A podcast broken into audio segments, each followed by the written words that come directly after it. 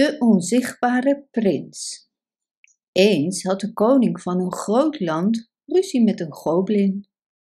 Nu was het toeval dat de koning het beste van het geschil had, en dit maakte de goblin zo boos dat hij het rijk verliet en op zoek ging naar een kans om zijn vijand kwaad te doen. Nu, terwijl de goblin zijn tijd afwachtte, geschiedde het dat de koning en de koningin die lange tijd kinderloos waren geweest, de trotse ouders werden van een babyjongen. Van een roze zomerochtend tot de ruisende stilte van de zomernacht, het hele rijk gaf zich over aan vreugde. Klokken luidden vanaf de torens in de steden en torens in de velden. Kanonnen dreunden uit kasteeltorens en kleine taarten, elk met ijs bedekt, met het monogram van de prins in rode en witte suiker, werden op koninklijk bevel uitgedeeld onder de kinderen van het rijk. Nu was het de gewoonte van het land dat de erfgenaam van de troon op de eerste dag van zijn zevende week aan de adel van het rijk werd getoond. En weldra stond deze dag op de kalender. Op de middag van de ceremonie was het tafereel in de grote zaal prachtig. Met duizenden bij elkaar gebracht, bewogen de adel van het land, allemaal in ceremoniële kleding, of beter gezegd, probeerde zich te bewegen. Omdat de enorme zaal tot aan de uitpuilende deuren propvol zat, was dit moeilijk. En het spijt me te moeten zeggen, maar er vielen heel wat mensen flauw door gebrek aan lucht, protestkreten, opstandige duwen, verfrommelde kragen en verloren juwelen. Plotseling deed de grote bel van het paleis een zwaar en plechtig dreunen klinken. De ceremonie stond op het punt te beginnen. Een aantal boden slaagden erin een gangpad over de hele lengte van de zaal te openen. En toen deze prestatie was volbracht, openden de twee hoogste sergeanten van het koninklijke leger de dubbele portalen die uit de koninklijke salon leidden. En nu, aangekondigd door een groot gerinkel van gouden trompetten en vergezeld van een jubelend gebulder op het paleisorgel, trok een nobele stoet langzaam door de poort de zaal binnen. Een stoet aan mensen kwam binnen, generalen, muzikanten, bloemisten en, uiteindelijk, de baby. Van het fijnste goud waren de wielen en de duwstang van de kinderwagen, terwijl het koetsdeel was uitgehold uit verbazingwekkende opaal. Onder een oorverdovend geraas van gejuich ging de stoet plechtig naar een verhoging aan het hoofd van de zaal. Plotseling fladderde een onzichtbare vorm door een raam naar binnen, mompelde iets naast de wieg van de baby, slaakte een spottend kabouterlachje en vluchtte onopgemerkt weg. Nadat hij de baby naar het midden van het podium had gereden, gaf Lord Chancellor een teken aan de trompetters om het volkslied te openen en boog zich over de wieg om de baby te nemen en hem aan de menigte te tonen. Tot zijn schrik was de wieg leeg. Het kussen van de kleine prins was er, de sprei omzoomd met turkoois en de rammelaar gevuld met zaadparels, maar geen baby. De baby, de baby, waar is de baby? slikte Lord Chancellor, nauwelijks in staat om te spreken. Een ongemakkelijke pauze volgde. Opgewonden gefluister, vermoedens, geruchten zoemden door het publiek. En weldra, toen de waarheid zich begon te verspreiden, kwam er een groot tumult. Al snel was iedereen druk aan het kijken, hier en daar, randen van het tapijt aan het optillen, achter de gordijnen aan het neuzen, naar het plafond aan het staren en hoeken aan het onderzoeken. Plotseling klonk het gehuil van een baby. Zwak, maar onmiskenbaar. Zoeken, zoeken, mijn vrienden, riep de koning. Een koninklijke onderscheiding voor degene die mijn kind ontdekt. Het gehuil van de baby was weer te horen. Waar zou hij kunnen zijn? Plotseling slaakte een slimme jonge hofdame, die de opale koets had doorzocht, een doordringende geel. Terwijl ze in de kinderwagen tastte, had ze de baby gevoeld, maar hem niet kunnen zien. De vreselijke waarheid drong door bij alle aanwezigen. De baby was onzichtbaar geworden. Onzichtbaar was hij en onzichtbaar bleef hij. En je gelooft misschien wel dat zijn opvoeding inderdaad een moeilijke taak was. En om het nog erger te maken, werd al snel ontdekt dat niet alleen de prins zelf totaal onzichtbaar was, maar ook dat kleding die hem aanraakte ook onzichtbaar werd. Je kon de kleine prins voelen, je kon hem horen en dat was alles. Dus als hij op de kinderkamer wegkroop, moest men ofwel door de heldere lucht tasten, zorgvuldig hier en daar voelend, ofwel wachten tot hij huilde. Geen wonder dat de arme koningin voor altijd het land afspeurde naar nieuwe hofverpleegsters en voor altijd huiszusters naar huis stuurde, wiens zenuwen niet bestand waren tegen de spanning. Je zou nooit kunnen zeggen wat er zou kunnen gebeuren. Een keer slaagde het kind er bijvoorbeeld in om uit zijn kinderkamer te ontsnappen, naar de uitgestrekte grasvelden van het koninklijk paleis. En moest het hele nationale leger de hele middag op handen en voeten kruipen, voordat de prins slapend werd gevonden onder een pruimenboom. Nu, toen elke poging om de betovering ongedaan te maken was mislukt, bracht de koning een bezoek aan de wijze man van Pansofia, een geleerde wijze die in een fauteuil zat onder een groen gestreepte paraplu op het kruispunt van de wereld en raad gaf aan alle uithoeken van de wereld. Deze wijze was gekleed in de statige plooien van een volledig zwart gewaad. Een ronde zwarte fluwelen muts rustte op de kruin van zijn sneeuwwitte hoofd. Een brede witte baard lag uitgespreid op zijn borst en op zijn neus was een enorme ronde bril. Beginnend bij de paraplu stond er een lange rij van vragenstellers, geduldig wachtend, tientallen kilometers lang over het glooiende land, en verdween nog steeds onafgebroken over de top van de verre heuvel. Deze geduldige rij mensen maakte hoffelijk plaats voor de ongelukkige koning. Toen hij het verhaal van de koning had gehoord, schudde de wijze man zijn hoofd en antwoordde: De betovering die je zoon bindt, is een machtige en kan alleen worden verwijderd door hem aan te raken met de betovering verdrijver. De almachtige talisman die je voorouder, koning Decimo, van zijn veeënberuid heeft gekregen. Helaas, antwoordde de koning, de betoveringverdrijver is twintig jaar geleden uit de koninklijke schatkist gestolen. Kunt u ons niet vertellen wie het heeft gestolen of waar het te vinden is? Was het niet de enige spreukverdrijver in de hele wereld? vroeg de wijze man. Dat was het ook, antwoordde de koning met een droevig instemmend knikje. Het is van je gestolen door de meesterdief van de Adamantbergen, bulderde de wijze man. En misschien kunt u ons vertellen waar hij te vinden is, zei de koning. Maar de wijze man schudde zijn hoofd. Vraag me waar de regendruppel ligt, die gisteren in de rivier is gevallen, antwoordde de wijze.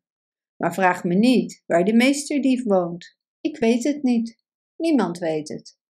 Maar wat betreft het verbreken van de betovering, het is de betoveringverdrijver of niets. Kon ik je maar helpen? En de wijze zei vaarwel tegen de koning. Maar nu moet ik je vertellen over de meesterdief van de Adamantbergen. Deze mysterieuze persoon, van wie iedereen had gehoord, maar die niemand had gezien, woonde in een geheim huis in de verloren vallei van de bergen. Een huis dat zo kunstzinnig was gevormd en zo sluw verborgen met wijnstokken en takken, dat de vogels erdoor werden bedrogen en er vaak op de schoorsteen kwamen zitten, aangezien ze het aanzagen voor een kastanjeboom. Wat de meesterdief zelf betreft, hij was een soort levende bonenstaak, want hij was groter dan de langste, magerder dan de magerste en voorzien van een paar lange, onvermoeibare benen die sneller waren dan de snelste renners in het land. S'nachts bewoog hij zich door de wereld in een vreemd kleed van pikzwart blauw, dat zo dicht tegen hem aanzat als de huid van een paling. Overdag droeg hij een prachtig gewaad, waarop beschilderde bladeren, zonnevlekken, blauwe schaduwen en strepen van aardsbruin waren. Nu was deze meesterdief geen gewone rover, want hij stal niet om te stelen, maar alleen om nieuwe zeldzaamheden te verzamelen voor een prachtig museum dat hij onder zijn woning had. Er was nog nooit zo'n prachtig museum geweest als het museum van de meesterdief. Diep in de plechtig weergalmende grotten elk voorzien van een kaartje en een etiket, en op volgorde gerangschikt, plank op plank, was het mooiste exemplaar te vinden van alles ter wereld dat mensen hadden gemaakt of lief hadden. De meest comfortabele stoel was er, de puntigste speld, de warmste deken, de luidste trommel, de plakkerigste lijm, het meest interessante boek, de grappigste grap, de grootste diamant en de meest levensechte knuffelkat, de mooiste lampenkap en nog duizend dingen meer. Zijn collectie een nieuwe naam geven, ze verplaatsen, er dingen mee doen. En daarmee was dat de grootste vreugde van de meesterdief. Gezeten in de meest comfortabele stoel ter wereld, vingertoppen bij elkaar gebracht, bracht hij uren door met genieten van zijn schatten en zich afvragend of het hem nog aan iets ontbrak onder de zon. Weldra hoorde hij toevallig van de opale kinderwagen van de onzichtbare baby. En onmiddellijk besloot hij dit nieuwe wonder aan zijn galerij toe te voegen.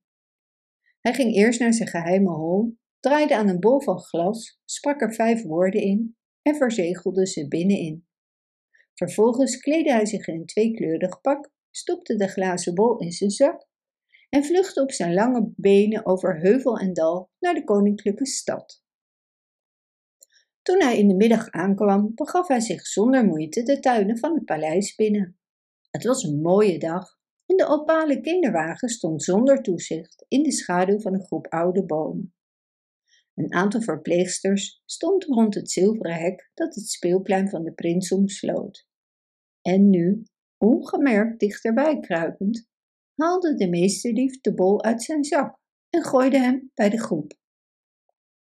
De bol raakte de grond en barstte. en de woorden die de slu sluwe meesterdief erin had vergezeld, ontsnapten in de lucht. En deze woorden waren: Oh, kijk naar de ballon. Onmiddellijk keken alle verpleegsters naar de lucht om de denkbeeldige ballon te zien. En terwijl ze hier en daar keken, sprong de meesterdief naar de opale kinderwagen, liet de remmen op de gouden wielen los en duwde de koets voor zich uit. Hij rende als een gek door de met bloemen omzoomde steegjes en door de tuinpoorten naar de hoofdweg. In een lange rechte lijn vluchtte de meesterdief, terwijl hij de kinderwagen de hele tijd voortduwde. Al snel begonnen de stadsklokken hard te luiden. Soldaten werden op de wegen gestuurd, paarden werden in galop erachteraan gestuurd, maar alles tevergeefs het met juwelen versierde rijtuig snelde als een meteoor over het land. En het laatste wat ze ervan zagen was een bewegende lichtstreep langs de steile helling van een berg. Een licht dat op een ogenblik op de top glom als een grote ster en toen snel uit het zicht zonk. Toen de meesterdief zijn geheime toevluchtsoord in de vallei bereikte, schreeuwde hij triomfantelijke kreten en reed snel de kinderwagen naar het museum de meest magnifieke kinderwagen ter wereld. De meesterdief, die weer de meest comfortabele stoel tevoorschijn haalde, zonk erin en dacht na over zijn nieuwste prijs. Plotseling zorgde een vreemd geluid, half huilen, half gorgelen ervoor dat hij rechtop ging zitten. Had iemand zijn geheime schatkamer ontdekt? Wat zou dat kunnen betekenen? En nu kwam er een tweede kreet die eindigde in een lang protesterend gejammer. De meesterdief had de onzichtbare baby samen met het rijtuig gestolen. Het idee om voor een baby te moeten zorgen, welke baby dan ook, verontrustte de meesterdief. Maar wat betreft een onzichtbare baby, dat was inderdaad een beproeving. Maar ineens sloeg de meesterdief op zijn knie en grinnikte van vreugde. Hij had aan de spreukverdrijver gedacht. De rover hield de helderste lantaarn ter wereld omhoog en begaf zich naar de kleine zijgrot waar hij de talisman had bewaard. Zijn hart maakte een sprongetje. De spreukverdrijver was weg. Verbijsterend begon de meesterdief een zoektocht in de kleine grot, maar kon geen teken van de spreukverdrijver vinden. Uiteindelijk gaf hij de zoektocht op en droeg de prins naar zijn woning. En zo gingen er dagen voorbij en maanden en zelfs jaren zonder dat de spreukverdrijver aan het licht kwam.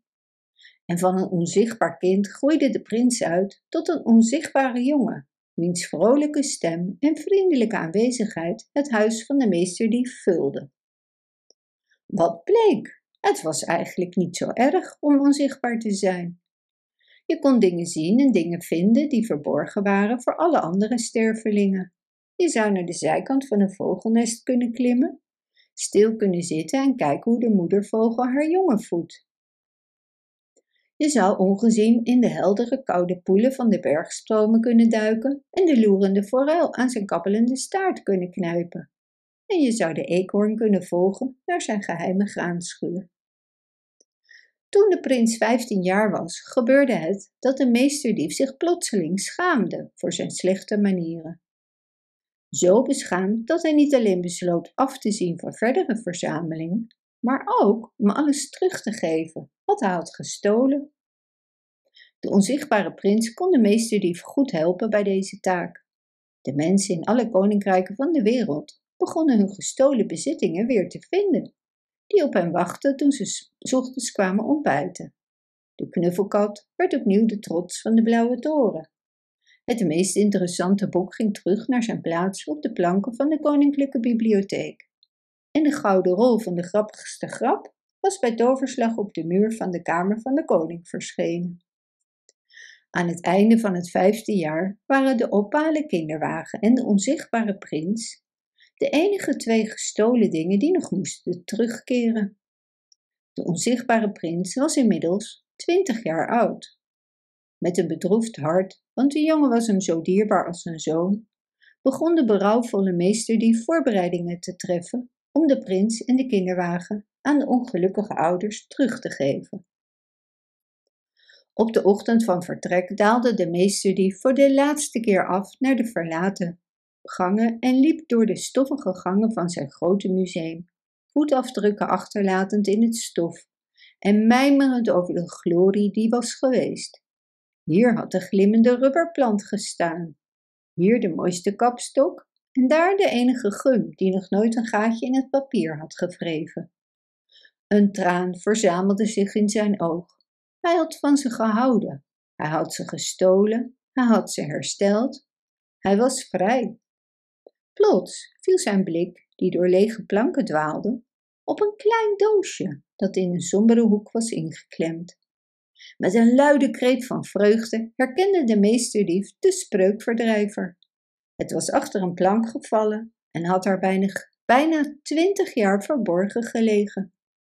De meesterdief stak hem in zijn zak en sprong de trap op.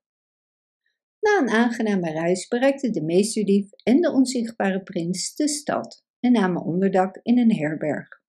De onzichtbare prins, ik moet je eraan herinneren, was nog steeds onzichtbaar.